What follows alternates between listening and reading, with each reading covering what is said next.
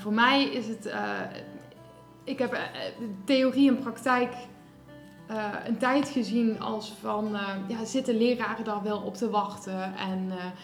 En nu, dit is voor mij weer een bevestiging dat ik dit boek naar gelezen heb. En dat, daar heb je niet altijd de ruimte en de tijd voor om daar echt in te duiken. Maar dat het toch zo belangrijk is om ehm, ja, die, die ondersteuning te hebben vanuit concepten en vanuit nou ja, theorie, hoe je het ook wil noemen. En voor mij is dat weer eventjes een soort bevestiging wat ik aan het doen ben. En dat de vraagstukken die eigenlijk altijd in mijn hoofd een beetje op slot zitten, uh, dat die ja, dat dat vraagstukken zijn van het hele onderwijs. En dat ik toch echt denk, oh, dit, dit is zo belangrijk in het onderwijs om hier ruimte voor te maken. Welkom in deze podcast van Stichting Nivos. Mijn naam is Rob van der Poel en je luisterde zojuist naar Anke Niesen, werkzaam als docent Frans in het voortgezet onderwijs. Samen met Judith Rotink, die lessen scheikunde geeft en mentor is in Arnhem, las ze De Terugkeer van het Lesgeven, een van de laatste boeken van Gert Bista, onderwijspedagoog en denker. Wat roept het lezen van zijn werk op bij een leraar? Wat betekent het voor je leraarschap? In hoeverre wordt het waartoe van je lesgeven, jouw pedagogische opdracht, onder de aandacht gebracht? Ja, nou ik, ik zie die pedagogische opdracht zoals je hem net beschreef meer als een ideaal of als een soort van waarom ik graag docent ben. Want ik, ik ben graag docent omdat ik het gevoel heb dat ik iets belangrijks doe. En dat, ik, dat het belangrijk je, je staat ervoor op, want het, doet het toe wat je doet. En dat is vanwege die pedagogische opdracht. Niet omdat nou, ja, scheikunde is hartstikke mooi vak, maar niet omdat dat nou het allerbelangrijkste in de wereld is. Het vraaggesprek wordt aangezwengeld door Nivos collega Maatje Janssens, die zich als wetenschappelijk medewerker bij Nivos al langer door het denken van Gert Bista laat inspireren. En zelf inmiddels ook is gestart als zij-instroom in het basisonderwijs. Ze begint met het schetsen van een tijdsbeeld en met datgene waar Bista met dit boek, via een terugkeer van het lesgeven, zoals hij het noemt, voor pleit. De missie van het boek is eigenlijk om duidelijk te maken dat de leraar en onderwijzer ertoe doet. In een tijd waarin het op lijkt dat de leraar is gereduceerd tot een coach, wat je net al noemde, of tot een facilitator van leren, waarin een leerling vooral autonoom uh, de leerstof tot zich moet kunnen nemen. En maar Bista pleit met zijn boek niet uh, voor een terugkeer naar de traditionele leraar. Dat is ook een veelgehoord geluid in deze tijd. Hè? Dus dat de leraar vooral een factor is om zo effectief mogelijk onderwijs te verzorgen. Nou, wat Anke al zegt, Bista pleit eigenlijk voor een derde optie. Een terugkeer van het lesgeven indien het gericht is op de volwassen vrijheid. Of op het bestaan van de leerling als subject en niet als object. En hij duidt die verschillen ook wel in termen van kindgericht onderwijs, leerstofgericht onderwijs en wereldgericht onderwijs. Waar staat de leerling in jouw onderwijs centraal en waar de leerstof? Maar vooral is er ook een derde weg waarin we elkaar als subject laten verschijnen en elkaar in vrijheid in de wereld tegenkomen en ontmoeten. Terwijl Noah zijn middagdutje deed, de thee en de koekjes op tafel waren gezet en de hond af en toe wat onrustig rondsnuffelde, dook moeder Judith met Anke en Maatje de theorie en de praktijk in. In het komende uur luister je naar het eerste deel van deze podcast. Welkom Anke en welkom Judith. En wat fijn dat jullie tijd willen maken om uh, samen in gesprek te gaan over het nieuwste boek, of inmiddels alweer even verschenen, De terugkeer van het lesgeven van Gert Biesta. Wij kennen elkaar al een tijdje. Jullie uh, hebben als trainees gewerkt bij het Nivos in 2017, als ik het goed heb. En uh, we hebben daar ja, ook met elkaar gewerkt rondom het werk van Gert Biesta. Jullie waren toen net begonnen, als ik me niet vergis, voor de klas, kerstverse docenten in het voortgezet onderwijs. En tegelijkertijd werden jullie ondergedompeld uh, nou, in het gedachtegoed en in de praktijk van het NIVOS. Uh, we hebben samen de eerdere drie boeken van Gert gelezen. Het leren voorbij, goed onderwijs aan de cultuur van het meten en het prachtige risico van onderwijs. En dit boek, De terugkeer van het lesgeven, is het vierde in wat Gert dacht dat een trilogie zou zijn. Um, nou, toen dit boek verschenen is, waren jullie al volop aan het lesgeven. En uh, in dit gesprek gaan we eigenlijk verkennen wat Bista daarmee bedoelt met lesgeven. En hoe het raakt aan jullie onderwijspraktijk.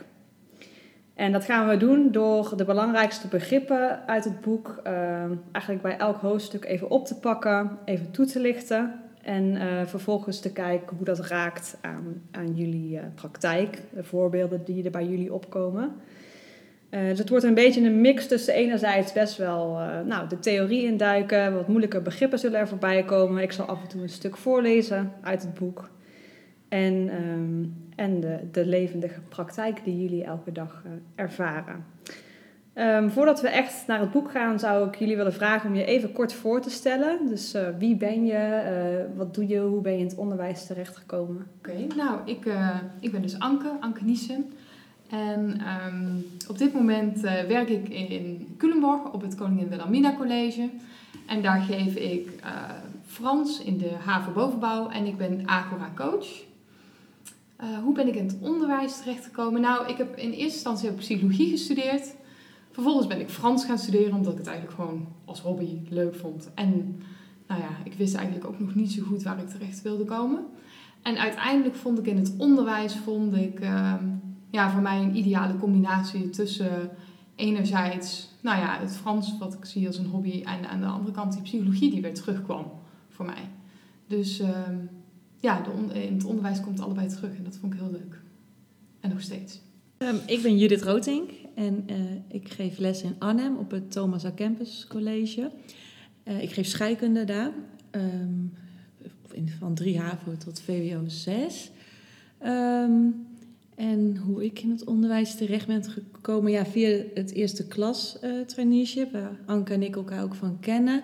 En daar ben ik mee begonnen omdat ik, ja, ik, ik wilde, onderwijs leek mij heel erg leuk, maar ik dacht, ja, ga ik dat echt doen? Dat is zo'n definitieve keuze. Dus dat traineeship was voor mij uh, een soort van wedden op twee paden. Maar toen ik eenmaal voor de klas stond, ja, ik vind dat gewoon heel erg leuk, het lesgeven iedere dag. Dus toen heb ik uiteindelijk gekozen om gewoon uh, ja, les te gaan geven. En dat doe ik nog steeds. En dat vind ik erg leuk. Dus op die manier. Mooi, dank jullie wel. Nou, ik denk dat het goed is om te beginnen uh, met een soort algemene uh, impressie van jullie. Jullie hebben het boek uh, deels gelezen of geheel gelezen. En uh, ik ben heel benieuwd. Kun je één of enkele punten noemen die je heel erg raakten? Of misschien die je verontwaardigde of verbaasde, waar je enthousiast van werd? Ja, ik had bij dat hoofdstuk 2 over dat leren en dat lesgeven. Um, en ik weet niet meer precies, maar het ging over ja, lesgeven als beroep of als activiteit. En taak uh, of heel resultaatgericht. Dat. En ik moest toen heel erg denken aan uh, in coronatijd lesgeven. Want uh, op zich gaf je wel gewoon les voor een computer.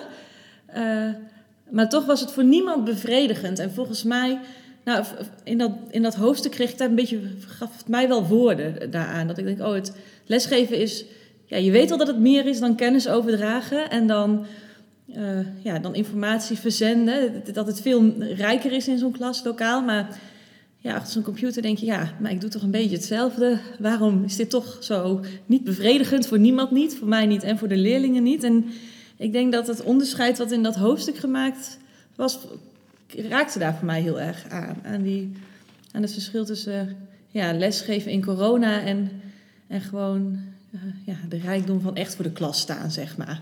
Mm-hmm. Dus je bedoelt eigenlijk dat je ja, de wereld echt nodig hebt in het onderwijs. Het letterlijk in de wereld zijn. Dat, dat, uh, ja, dat precies. daar deels aan wordt ontrokken in, uh, als je achter een scherm zit. Ja, ja precies. Ja, ja, ja. inderdaad. Ja, voor mij, um, dit boek beantwoordt een beetje aan, aan mijn eigen zoektocht. Omdat ik, nou ja, op dit moment geef ik in het, uh, nou, het reguliere systeemles, maar ook in het Agora-systeem. En in, nou ja, het zijn twee systemen en dat wil zeggen dat ze nooit um, ja, allesomvattend zijn, want je, je kiest een richting. Kun je heel even kort uh, toelichten wat het Agora-systeem precies inhoudt voor misschien de luisteraar die daar niet uh, bekend mee is? Die thuis is. Ja, nou even nou, kort gezegd, uh, bij Agora um, kennen we geen klassen, we kennen geen cijfers en geen vakken. Um, dus het gaat uit van, nou, de leerling heeft een bepaalde vrijheid. En dat gaat erom dat hij mag kiezen in eerste instantie wat hij wil leren. Maar de manier waarop, dat is niet vrij. Dus we geven op een meer nou ja, coachende manier les. Wat, het, nou ja, wat is coaching in deze zin? Dus um, de, wat je leert, dat mag je kiezen. Maar het proces, daar word je heel erg in begeleid. En dat wil ook zeggen dat je dus op je eigen niveau heel erg kunt leren en dat er dus wat meer ruimte is voor eigen inbreng. In, zeker in de onderbouw. Um, nou ja, dus mij in het regulier geef ik ook nog les. En daar nou, zit ik meer in het systeem van, nou, er wordt bepaald in welke groep je zit, met welke leerlingen van een bepaalde leeftijd je zit. Um, dat je toewerkt naar een toets, dat je toewerkt naar uh, nou ja, dat, dat leerlingen bezig zijn bijvoorbeeld met cijfers. En aan de andere kant merk ik nu een systeem waar veel minder structuren zijn. Um, waar het, nou je zou het leerlinggericht kunnen zeggen en het regulier leerstofgericht. Maar ja, ik merk dus zelf dat het allebei niet helemaal beantwoordt aan de vraag. En dat kan natuurlijk nooit. En ik ben zelf op zoek naar, ja, is er een, een, een middenweg of een, een mengvorm mogelijk? En, en Bista geeft eigenlijk antwoord in dit boek door een derde optie te geven. Ja, heel mooi. Ja, daar ben je meteen uh, bij de missie van het boek inderdaad. Uh, dat, de, de missie van het boek, en hier ga ik even net iets meer uh, context bieden. De missie van het boek is eigenlijk om duidelijk te maken dat de leraar en onderwijzer ertoe doet. In een tijd waarin het op lijkt dat de leraar is gereduceerd tot een coach, wat je net al noemde, of tot een facilitator van leren, waarin een leerling vooral autonoom uh, de leerstof tot zich moet kunnen nemen. En Mabista pleit met zijn boek niet uh, voor een terugkeer naar de traditionele leraar dat is ook een veelgehoord geluid in deze tijd. Hè? Dus dat de leraar vooral een factor is om zo effectief mogelijk onderwijs te verzorgen. Nou, wat Anke al zegt, Bista pleit eigenlijk voor een derde optie: een terugkeer van het lesgeven indien het gericht is op de volwassen vrijheid. Of op het bestaan van de leerling als subject en niet als object. En hij duidt die verschillen ook wel in termen van kindgericht onderwijs, leerstofgericht onderwijs en wereldgericht onderwijs. En in de epiloog van het boek vat hij het als volgt samen. En ik lees even voor. Dit lijkt daarom het dilemma te zijn in hedendaagse discussies over de rol van lesgeven en de leraar in het onderwijs. Degenen die geïnteresseerd zijn in lesgeven lijken niet echt geïnteresseerd in de vrijheid van de leerling, terwijl degenen die geïnteresseerd zijn in de vrijheid van de leerling het lesgeven als een belemmering daarvoor zien. En dan even verderop schrijft hij: Iets wat scherp gezegd lijkt het erop dat als je progressief wilt zijn, je niet echt leraar kan willen zijn, terwijl als je leraar wilt zijn, je vermoedelijk conservatief bent. Voordat we die conclusie accepteren, denk ik dat het van belang is om een derde optie nauwkeurig te onderzoeken, waarin lesgeven een belangrijke en misschien zelfs wel noodzakelijke rol heeft te vervullen in onderwijs dat is geïnteresseerd in de vrijheid van de leerling. Zo'n progressief argument voor een conservatief idee wil het lesgeven teruggeven aan het onderwijs. En dan denk ik dat het ook voor het, voor het verdere verloop van dit gesprek en misschien überhaupt voor een begrip van, van het werk van Bista belangrijk is wat hij bedoelt met vrijheid. Even verderop in de epiloog verheldert hij dat. Dan schrijft hij: Vanuit dit perspectief gaat het er in het onderwijs dus niet om een ruimte te creëren waarin de leerling vrij kan zijn, bijvoorbeeld de vrijheid heeft om te leren, de vrijheid heeft om betekenis te geven, de vrijheid heeft om te begrijpen en tot begrip te komen. Maar het gaat erom een ruimte te scheppen waarin leerlingen hun vrijheid kunnen ontmoeten. En dat is echt een wezenlijk verschil. En uh, ik denk dat, uh, dat het belangrijk is om dat verschil te benoemen, omdat je heel vaak in gesprekken over onderwijs, maar ook in schoolplannen, uh, ziet dat vrijheid op die eerste manier wordt geïnterpreteerd in termen van keuzevrijheid zou je kunnen zeggen. Um, terwijl Bista de vrijheid altijd bedoelt in relatie tot de wereld. Dus niet in termen van keuzevrijheid, maar de vrijheid om je te verhouden tot wat er op je pad komt. Nou, tot zover even dit conceptuele uitstapje. Ik hoop dat het, dat het ons gaat helpen in de rest van het gesprek. Uh, we zullen er nog wel eens op terugkomen, denk ik. Um, even terug naar het dilemma wat, dat hij schetst. Wat Anke net ook al heeft aangeraakt uh, in het punt wat haar heel erg raakte. Het dilemma is dus, degenen die geïnteresseerd zijn in lesgeven lijken niet echt geïnteresseerd in de vrijheid van de leerling, terwijl degenen die geïnteresseerd zijn in de vrijheid van de leerling het lesgeven als een belemmering daarvoor zien. Ik ben heel benieuwd, herkennen jullie dit dilemma of herken je het tijdsbeeld wat Bista schetst van die drie opties die er eigenlijk lijken te zijn? Um, en waar plaats je jezelf in dat spectrum? En misschien ook de vraag waar zou je willen zijn in dat spectrum? Uh, ja, nou, ik herken me zelf dus enorm. En uh, ik kan zeggen, in de eerste jaren heb ik dus eh, in het regulier onderwijs lesgegeven. En daar werkte ik met een boek. Werkte, ik, had, ik had op een gegeven moment had ik wel iets van 25 toetsen in een jaar.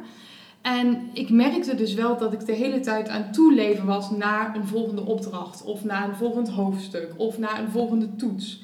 Dus in ieder geval, ik volgde het systeem, zou ik zeggen. In plaats van dat het systeem mij diende.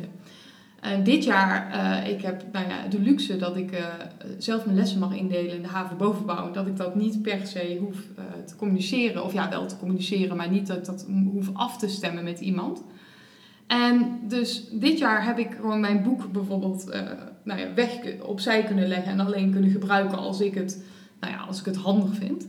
En nou, dus ik merk nu dit jaar dat ik ook in het regulier onderwijs een vrijheid kan scheppen uh, ja, door dat hele systeem iets naar de achtergrond te schuiven, door van 25 toetsen naar 5 toetsen te gaan, dan, dan ben ik daar veel minder mee bezig.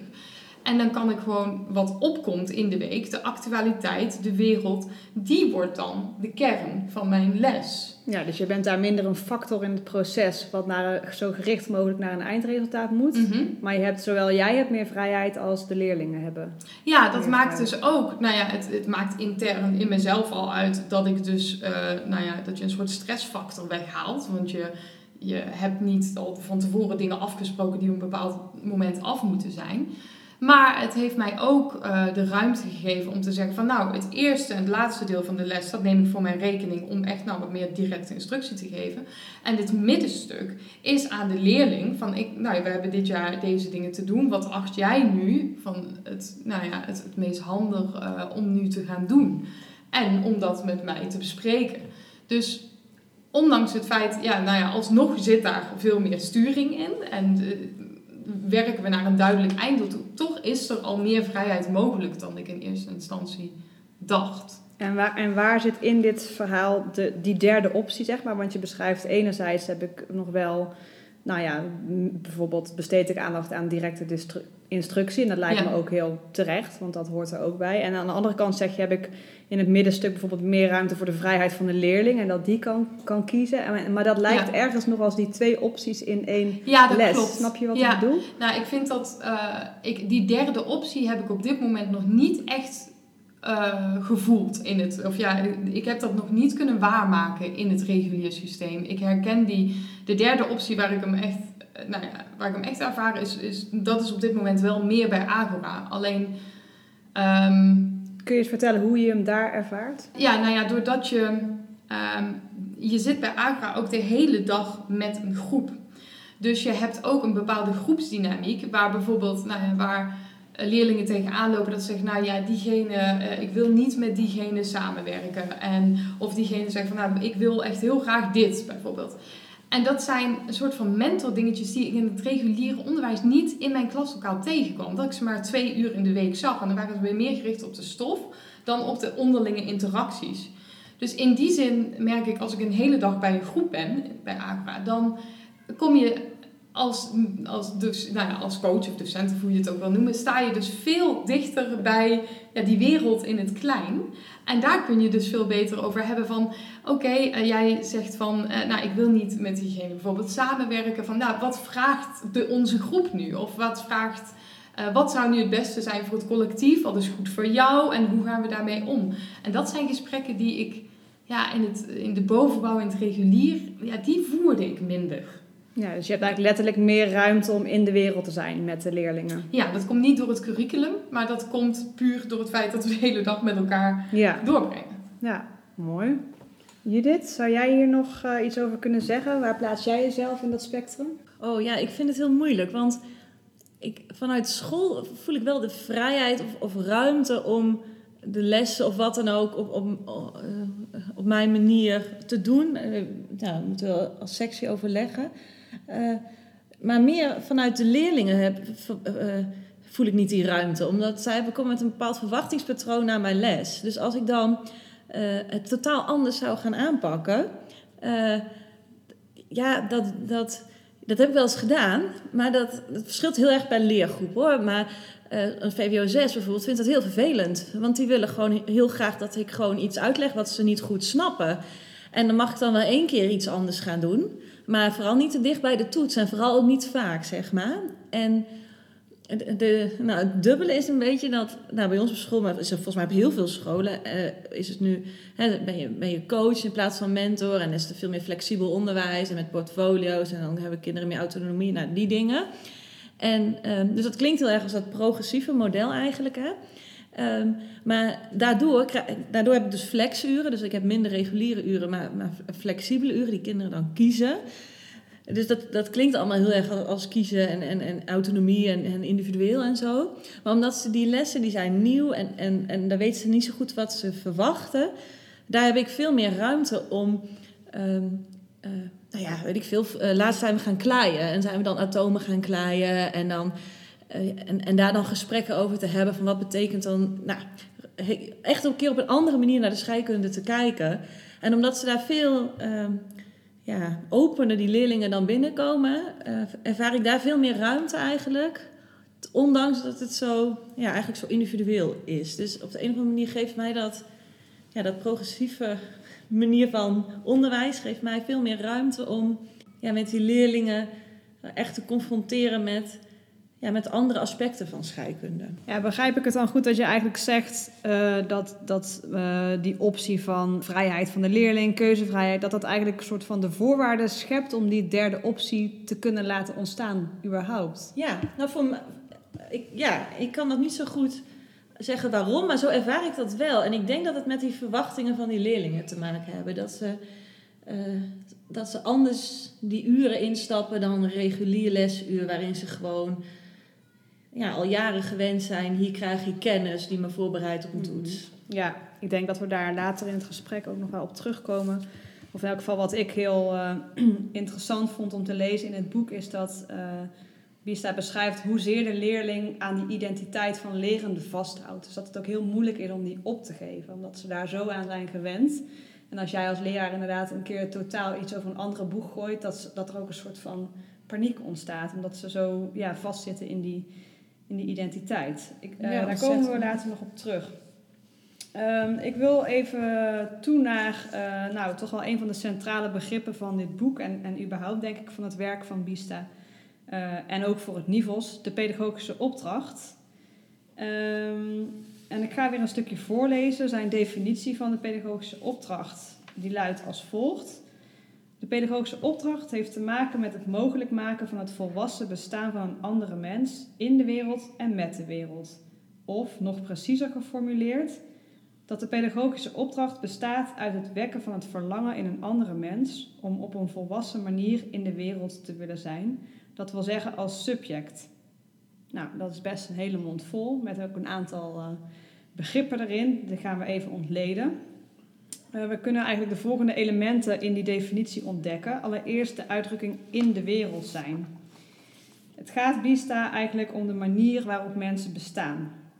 Dus het gaat hem om de vraag hoe we zijn als mens. Eh, dat wordt ook als subjectiviteit genoemd. En niet zozeer om de vraag wie we zijn, wat je als identiteit zou kunnen duiden. Wat voor hem overigens niet betekent dat die laatste vraag er niet toe doet, maar het is gewoon een andere vraag. Het is niet de vraag waar hij zich op richt. En dan het begrip volwassenheid. Daarmee bedoelt hij niet de uitkomst van een bepaald ontwikkelingsproces. Hè, dus als je kan zeggen van met 18 jaar ben ik volwassen. Maar het is dus een bepaalde manier van bestaan. Een bepaalde manier van in de wereld bestaan. En dat is er een die rekening houdt met het anders zijn en het op zichzelf zijn van het andere en de ander. En nog anders gezegd gaat het erom te onderkennen dat de wereld buiten ons inderdaad buiten ons is. En nog door ons gemaakt is, nog zomaar tot onze beschikking staat. Als een wereld waarmee we zouden kunnen doen wat we maar willen. En tot slot, met wereld bedoelt hij zowel de natuurlijke als de sociale wereld. Dus dat wil zeggen zowel de wereld van de dingen als de wereld van levende wezens. Of nog concreter, het is de planeet en alles wat daar groeit en bloeit met inbegrip van de menselijke wezens die we daar ontmoeten. Nou, dat is eh, best wel wat. En ik denk dat het eh, ook voor een goed begrip weer belangrijk is om te benoemen dat het hier om een formulering van de pedagogische opdracht gaat. En niet bijvoorbeeld de didactische opdracht, die je natuurlijk ook als leraar hebt. Maar hier hebben we het echt even over dat stukje pedagogiek. Nou, ik ben heel benieuwd, als je dit zo hoort, hoe kijken jullie naar deze pedagogische opdracht? Ervaren jullie dit ook als jullie opdracht? En hoe zou je dat dan misschien in je eigen woorden formuleren? Maar als je dit misschien niet als je opdracht ervaart, kun je dan vertellen waarom niet? Wat vind je er misschien problematisch aan? Of wat hoort er nog bij? Hoe zou je het anders duiden? Mijn, ik zie het inderdaad als mijn opdracht. En de, uh, als mijn opdracht is om een leerling regie te laten nemen. En ook om te laten ontdekken ja, wat uiteindelijk zijn plek is in de wereld. En dat klinkt misschien een beetje vaag, maar leerlingen komen eigenlijk al binnen met voorkeuren, met kwaliteiten, met, ja, met, uh, met moeilijkheden, met ontwikkeldoelen. En um, ik wil niet dat, dat dat alleen maar centraal staat, maar het is wel dat er dan. Ik geloof wel dat er een bepaalde plek is waar die leerling het beste uit kan komen. En ja, zodat, ik zou daar ruimte voor willen creëren, dat zich dat kan ja, openbaren, of hoe zeg je dat? In ieder geval dat die leerling, um, om die leerling te laten ontdekken wat hij uiteindelijk te doen heeft. Mm -hmm. En dat gaat dus voorbij uh, een examen, bijvoorbeeld. Want ik heb toch wel, uh, ja, ik heb wel lang het gevoel gehad dat, dat veel leerlingen dat als een einddoel zagen. En ik zou eigenlijk al vanaf het begin willen dat, dat ze meer bezig zijn met ja, het doel beyond, voorbij, voorbij het examen. Waar wil ik uiteindelijk naartoe? -hmm. En begrijp ik het goed dat dat misschien deels ook een, een aanvulling zou kunnen zijn op deze opdracht? Als in uh, wat ik hier in de, in de opdracht zoals Bista die formuleert lees, is dat het heel erg gaat over hoe verhoud je je tot de ander of het andere. En dat kan je op een meer of minder volwassen manier doen, zeg maar. Dat is vooral heel erg in relatie. Maar ik hoor jou ook zeggen, het is ook heel belangrijk dat een kind eigenlijk zichzelf leert kennen of zijn plek leert kennen. Misschien, ja, ook een zelfwoord, uh, dat misschien ook met die vraag van identiteit te maken heeft. Dus dat die eigenlijk samenkomen voor jou in de pedagogische opdracht. Dat het zowel om gaat dat het kind ontdekt wie hij is, als hoe hij wil zijn. Ja en, ook, ja, en ook in de zin van dat het dan ten dienst staat van de wereld en de ander. Dus, uh, dus even denken, op welke manier, dus niet alleen maar zodat het kind nou ja, zichzelf ontdekt wie het is, maar uiteindelijk hoe het de wereld ook op de beste manier kan dienen. En de ander en zijn systeem. Ja, hoe is dat voor jou, Judith? Ja, nou, ik, ik zie die pedagogische opdracht, zoals je hem net beschreef, meer als een ideaal of als een soort van waarom ik graag docent ben. Mhm. Want ik, ik ben graag docent omdat ik het gevoel heb dat ik iets belangrijks doe. En dat, ik, dat het belangrijk je, je staat ervoor op, want het, doet het toe wat je doet. En dat is vanwege die pedagogische opdracht. Niet omdat, nou, ja, scheikunde is hartstikke mooi vak, maar niet omdat dat nou het allerbelangrijkste in de wereld is. Um, dus, ik, dus ja, ik zie dat wel als de pedagogische opdracht, maar ook wel als een, als een ideaal, zeg maar. Als in, uh, ja, je geeft toch zo'n 150, 200 leerlingen les. En om, ik, ik, ik durf niet te beweren dat ik dan iedere dag uh, heel bewust uh, bij iedere leerling dit, dit doe of dit kan, zeg maar. Uh, maar het is wel voor mij iets wat het, wat het vak de moeite waard maakt. Dus meer op die manier. Ja, ja dat is ook mooi, want het beschrijft Pista volgens mij in dit hoofdstuk ook dat het, dan gaat hij dat begrip opdracht ontleden. En dat, dat het eigenlijk ook een soort, ja, een soort roeping eigenlijk is. Dat wil ik jou heel erg zeggen van dit is wat ik te doen heb. Als, als een soort van ideaal waarmee ik het onderwijs ben ingegaan. Maar dat betekent natuurlijk niet dat je dat dag in dag uit, elke minuut bij elke leerling, je daar constant bewust van bent. Nee, dat lukt helaas ja. niet. Maar dat is wel, uh, nou ja, weet waarom ik trots ben dat ik lesgeef, zeg maar. Ja, ja mooi. We gaan iets meer uh, jullie concrete praktijk in. Ik ben natuurlijk heel erg benieuwd naar allerlei voorbeelden die, uh, die deze materie bij jullie oproept. Um, Bista heeft het in, in, in dit boek, in het eerste hoofdstuk, over de ontmoeting met weerstand. En hij noemt drie mogelijke reacties daarop. De eerste reactie op de omgang met weerstand is er een van wereldvernietiging. Dus je ervaart irritatie omdat je iets tegenkomt wat je initiatieven ondergraaft. En je probeert eigenlijk om je wil op te leggen aan datgene wat weerstand biedt. En dan kan het zo zijn dat jouw kracht zo sterk is dat het uh, datgene wat weerstand biedt aantast. Dat noemt hij wereldvernietiging. En een ander extreem, of een andere reactie op uh, de omgang met weerstand, of met de ontmoeting met weerstand, is die van zelfvernietiging. Dat houdt in dat je terugdeinst voor datgene wat weerstand biedt. Het is allemaal te moeilijk en te complex en soms doe je dan ook letterlijk een stap terug. En daarmee loop je het risico dat je jezelf uiteindelijk helemaal terugtrekt uit het in de wereld zijn. En daarmee vernietig je eigenlijk volgens Bista de mogelijkheid waaronder je überhaupt in de wereld kan bestaan. Want hij zegt je kunt als subject alleen in de wereld bestaan. Dus als je daaruit terugtrekt, dan kun je niet meer bestaan. Nou, dan is er ook nog een derde reactie op de ontmoeting met weerstand. Dat is eigenlijk het, de minder, het middengebied. De andere twee zijn extreme. En die derde reactie is die van dialoog. En dat omschrijft hij dan als het middengebied waar bestaan mogelijk is en letterlijk plaatsvindt. Een manier van samen zijn waarin wordt geprobeerd om recht te doen aan alle partijen. Ofwel, het midden is de plaats waar een volwassene manier van zijn met wat en wie anders is bereikt kan worden. Nou, dat is wederom, uh, zijn het best wel uh, heftige begrippen misschien ook. Wereldvernietiging, zelfvernietiging, dat klinkt uh, niet gering, zal ik maar zeggen. Ik ben heel benieuwd, herkennen jullie deze reacties op de ontmoeting met weerstand bij je leerlingen? Kan je misschien een voorbeeld noemen van een situatie waarin een leerling weerstand ontmoette? En hoe reageerde die leerling daar dan op? Schoot hij in de wereldvernietiging, in de zelfvernietiging of bleef hij in het moeilijke midden? En wat deed jij vervolgens als docent? Dus dan gaan we het eigenlijk echt hebben over hoe geef je handen en voeten aan die pedagogische opdracht. Hè? Hoe probeer je dat kind op een volwassen manier in de wereld te laten bestaan? Dus in dat midden tussen die extremen. Ik denk dat ik het vooral. Nou, we hebben net toetsweek gehad en daarna. Dat je het daarna heel erg ziet met hoe die leerlingen omgaan met verwachtingen die, die ze van zichzelf hebben op zo'n toets, maar ook die de hun omgeving uh, heeft uh, daarmee. Dus uh, ja, sommigen trekken er echt terug, die doen dan niks. En als ze het dan heel slecht doen, dan is het ook niet hun verantwoordelijkheid of hun schuld, want ze hebben toch niks gedaan, zeg maar. En anderen die, ja, die gaan er helemaal in, maar als het dan tegenvalt, nou ook huilen, weet je wel. En, uh, en een beetje boos op mij dat dan de toets niet goed is. Dus je merkt met die. Volgens mij gaat het dan niet eens zozeer om de toets, maar meer om de verwachtingen die ze zelf hebben en die, die, die iedereen van, van hun heeft. En ze hebben best veel druk. Dat is wel interessant. Dat is eigenlijk een soort van zelfgecreëerde weerstand. In je verwachting creëer je zeg maar weerstand.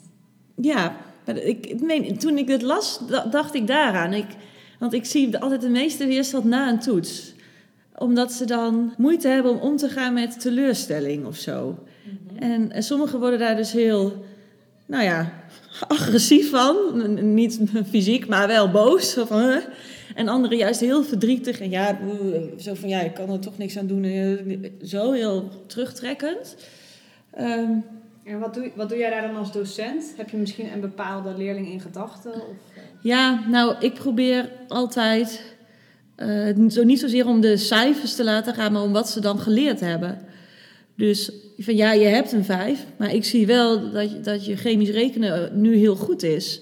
En dat was het vorig jaar nog niet. En dus je hebt wel, al jouw werken heeft wel ergens, ergens toe geleid. En dus het terug te zetten op het proces van nou, omgaan met een tegenslag, dan weer doorgaan en, en gewoon verder gaan met, ja, met het leven, zeg maar. Nou, dat klinkt zo groot, maar um, in plaats van zo'n hele primaire reacties als boos zijn omdat nou, ze het niet eens zijn met de vraagstelling of een soort van teleurstelling en de handdoek in de ring uh, gooien. Ik zou zo graag willen dat ze dan stabiel uh, kunnen kijken naar wat ze wel hebben geleerd en hoe ze dan doorgaan en dat ze daar, daar ja, dat ze dan niet zo met die verwachtingen hoeven te, te worstelen. Ja, dus je probeert ze eigenlijk een beetje ja, los te weken van, van die verwachting. Dat is eigenlijk de onderbreking die jij als docent inbrengt. En dat doe je bijvoorbeeld door even een gesprekje met hen aan te gaan. Of te, noemen, uh, te benoemen dat het meer om het proces gaat dan om het resultaat.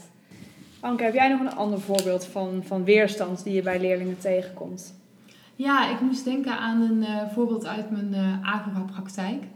Um, we hebben uh, in het begin van het jaar mogen leerlingen hun eigen werkplek ehm, creëren. En ook willen we eigenlijk dat we met onze coachgroep de ruimte ehm, nou ja, inrichten. Zodat het echt een ruimte wordt van de leerlingen. En dat zij ook eigenaarschap voelen over hun omgeving. En dus ook verantwoordelijkheid voelen voor waar ze zijn en nou, hoe ze daarvoor zorgen.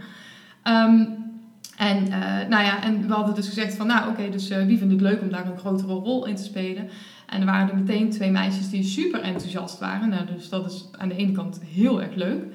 Um, ze gingen meteen van, uh, van start met een groot plan. En toen kwam ik bij ze en toen zei ik al van ja, en hoe zorg je er nou voor dat het wel een ruimte wordt van iedereen? En ik wist ook dat er wel wat hele nieuwe kinderen waren die heel creatief zijn en die daar ook wel iets mee wilden.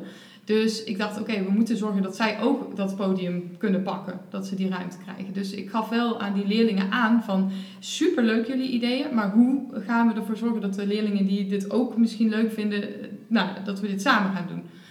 Um, dat het in en met de wereld is. Precies. En nou ja, dat was de weerstand. Want toen, toen was er boosheid naar mij. Uh, van, we hebben een superleuk idee en we willen het doen en we zijn enthousiast. Uh, ja, en nu, uh, ja, en dan is het helemaal niet meer leuk als we het moeten gaan delen, als we het moeten gaan middelen, want we hebben dit al helemaal bedacht het moet zo en zus en zo. En um, ik merkte dat ik daar aan de ene kant als docent wel een beetje, ik werd wel wat onzeker van, want ik dacht, ja, ze zijn super enthousiast. En nu heb ik dat enthousiasme ook een beetje gebroken. En vond, dat vond ik heel fijn in dit boek, om een soort, nou ja, eh, onderbouwing te krijgen voor wat er dan gebeurt. Want eigenlijk bracht ik dus inderdaad achteraf gezien een soort van weerstand voor die leerlingen in. Um, en daar werden ze in eerste instantie heel erg boos van. Dus dat zag ik een beetje als, nou, hoe noemde jij het nou? Het wereld... Wereldvernietiging? Wereldvernietigende. Mm -hmm. um, en op dit moment hebben ze zich eventjes teruggetrokken uit uit, uit het project. Oké, ze zijn het andere extreem Precies, dat, was, ja. uh, dat is nu de volgende kant. Oké. En, en is, dit is waar jullie nu staan? Of hoe, uh, ja, dat is ja. het. dus het is een vrij actueel voorbeeld. En daar staan we op dit moment. En ja, nu is het aan mij om te gaan reageren. Um, en heb je dan ook, daar ben ik nog wel benieuwd naar, misschien is dat nog te vroeg om te vragen, maar door, door dit boek en door dit gesprek, dat je daar dan ook op een andere manier misschien naar kijkt, naar hoe je daarop wil gaan reageren? Ja, ik denk het wel. Want ik, kijk, er gebeurt natuurlijk superveel op een, op een lesdag. En je kunt niet, je kunt niet met alles iets, zou zeggen. Maar uh, ik merkte nu wel van, oh wacht, nu zit ik voor het stadium om toch nog een keer in die dialoog te treden. Dus ik merkte wel in mezelf de neiging, soms laat je ook eens iets gaan. En dat ik even dacht van, Oké, ze hebben zich nu teruggetrokken. Ik pak hem wel weer terug. Dus nou ja, ik, hoe zeg je dat? Mijn aandacht ging er ook eventjes een beetje van af. Dus uh, nou ja, stap 1 en 2 uh, hebben we eigenlijk gehad. Dus het uh, wereldvernietigende en dan het, wat was het, destructieve? Zelfvernietigende. Ja, precies. En um, nou ja, de neiging bestond eventjes om te denken, oké, okay, nou ja, we pakken wel weer een andere keer op. Je kunt niet met alles iets. Maar nu ik het boek heb gelezen, dacht ik wel, oh wacht, dit is een essentieel moment. Ah, dat is dus, mooi. Uh, je herkent het eigenlijk als een, nou ja, zo zouden we dat misschien bij in ieder geval zeggen, als een pedagogisch moment. Ja, zeker. Waar je iets mee kan. Ja, en dat, uh, om, om, ja, nu is het juist de uitdaging toch om uh, die dialoog aan te gaan, om te kijken hoe je toch kunt, nou ja, laat ik het woord gebruiken, verschijnen in samenspel met, met die groep. Dus eigenlijk ja. met de wereld. Mooi, ja. mooi voorbeeld. Nou, we bouwen eigenlijk telkens een beetje voort. Hè? Dat is natuurlijk ook niet voor niks. Dat Vista bouwt op in zijn boek. Um, dus we gaan, uh, we blijven wel even bij jullie praktijk, als, uh, als, als jullie dat uh, ook zien zitten. Um, in, hoofdstuk, in het hoofdstuk over de pedagogische opdracht benadrukt Bista ook um, dat volwassenheid geen onderdrukking is van verlangens, maar een proces waardoor onze verlangens een reality check krijgen. Door de vraag te stellen of wat we wensen ook wenselijk is voor onze eigen levens en de levens van anderen. En die vraag is altijd een onderbreking van deze verlangens. En de leraar heeft hier volgens Bista een taak. Hij formuleert het pedagogische werk dat je daar als leraar te doen hebt op drie manieren. Allereerst de onderbreking van het met en voor mezelf zijn. Ofwel de vraag inbrengen welke ontwikkeling wenselijk is en welke niet. Hè, wat ik net al zei, die reality check. En dan is het belangrijk volgens Bista dat dat niet gebeurt door middel van directe morele vorming. Dus dat je bijvoorbeeld uh, zegt, je mag niet slaan. Uh, maar zo dat het kind tijd en ruimte wordt geboden om als subject in relatie tot het oordeel te verschijnen. Of anders gezegd, wat ik al zei, niet door de leerling simpelweg te vertellen welke van zijn of haar wensen wenselijk zijn, maar deze vraag tot een levende vraag in zijn of haar bestaan te maken. Een tweede uh, uh, formulering van het pedagogisch werk is vertraging. Vertraging in tijd en ruimte, waarin en waardoor mogelijkheden worden gecreëerd om, om een relatie te vormen met onze verlangens, ze zichtbaar te maken en er zicht op te krijgen, zodat we eraan kunnen werken. En we hebben wel eens ehm, met Bista bij Nivels we hadden een studiekring, jullie hebben daar ook wel eens aan deelgenomen. En we hebben een keer uh, Rousseau gelezen en een keer Kortschak gelezen. En Bista vertelde dat um, uh, eigenlijk ook de kampioen van het vertragen is. Uh, en hij geeft dan een, een, noemt een voorbeeld dat Kortschak um, het kind dat iets, een bepaald verlangen had, liet zeg even een verlangen om een ander kind te slaan.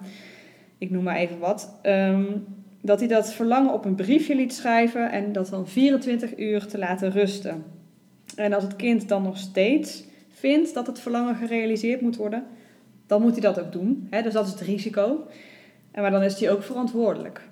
Dus het gaat er eigenlijk om dat je uh, ja, het kind de tijd geeft om zich te verhouden tot, tot wat hij wil. In plaats van dat hij er direct mee samenvalt. Of dat het een impuls is. En het derde, uh, de derde vorm van pedagogisch werk die BISTA noemt is ondersteuning. En dat houdt eigenlijk in dat je leerlingen aanmoedigt om ze in dat moeilijke middengebied tussen wereldvernietiging en zelfvernietiging uit te houden.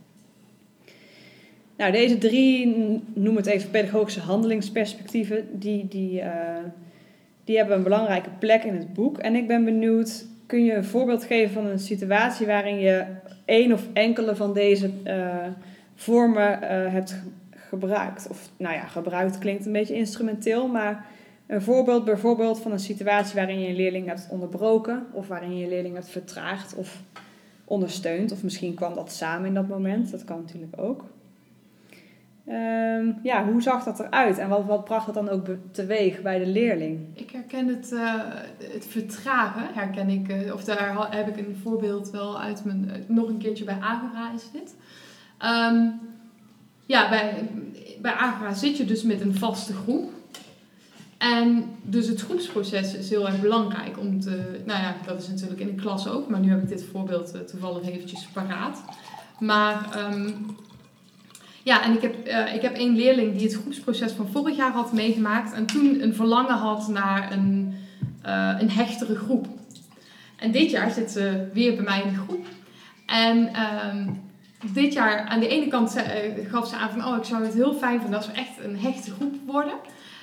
Maar ik zag ook dat ze, ze heeft vriendschap met um, één ander meisje in, in de groep. En dat is een hele hechte vriendschap.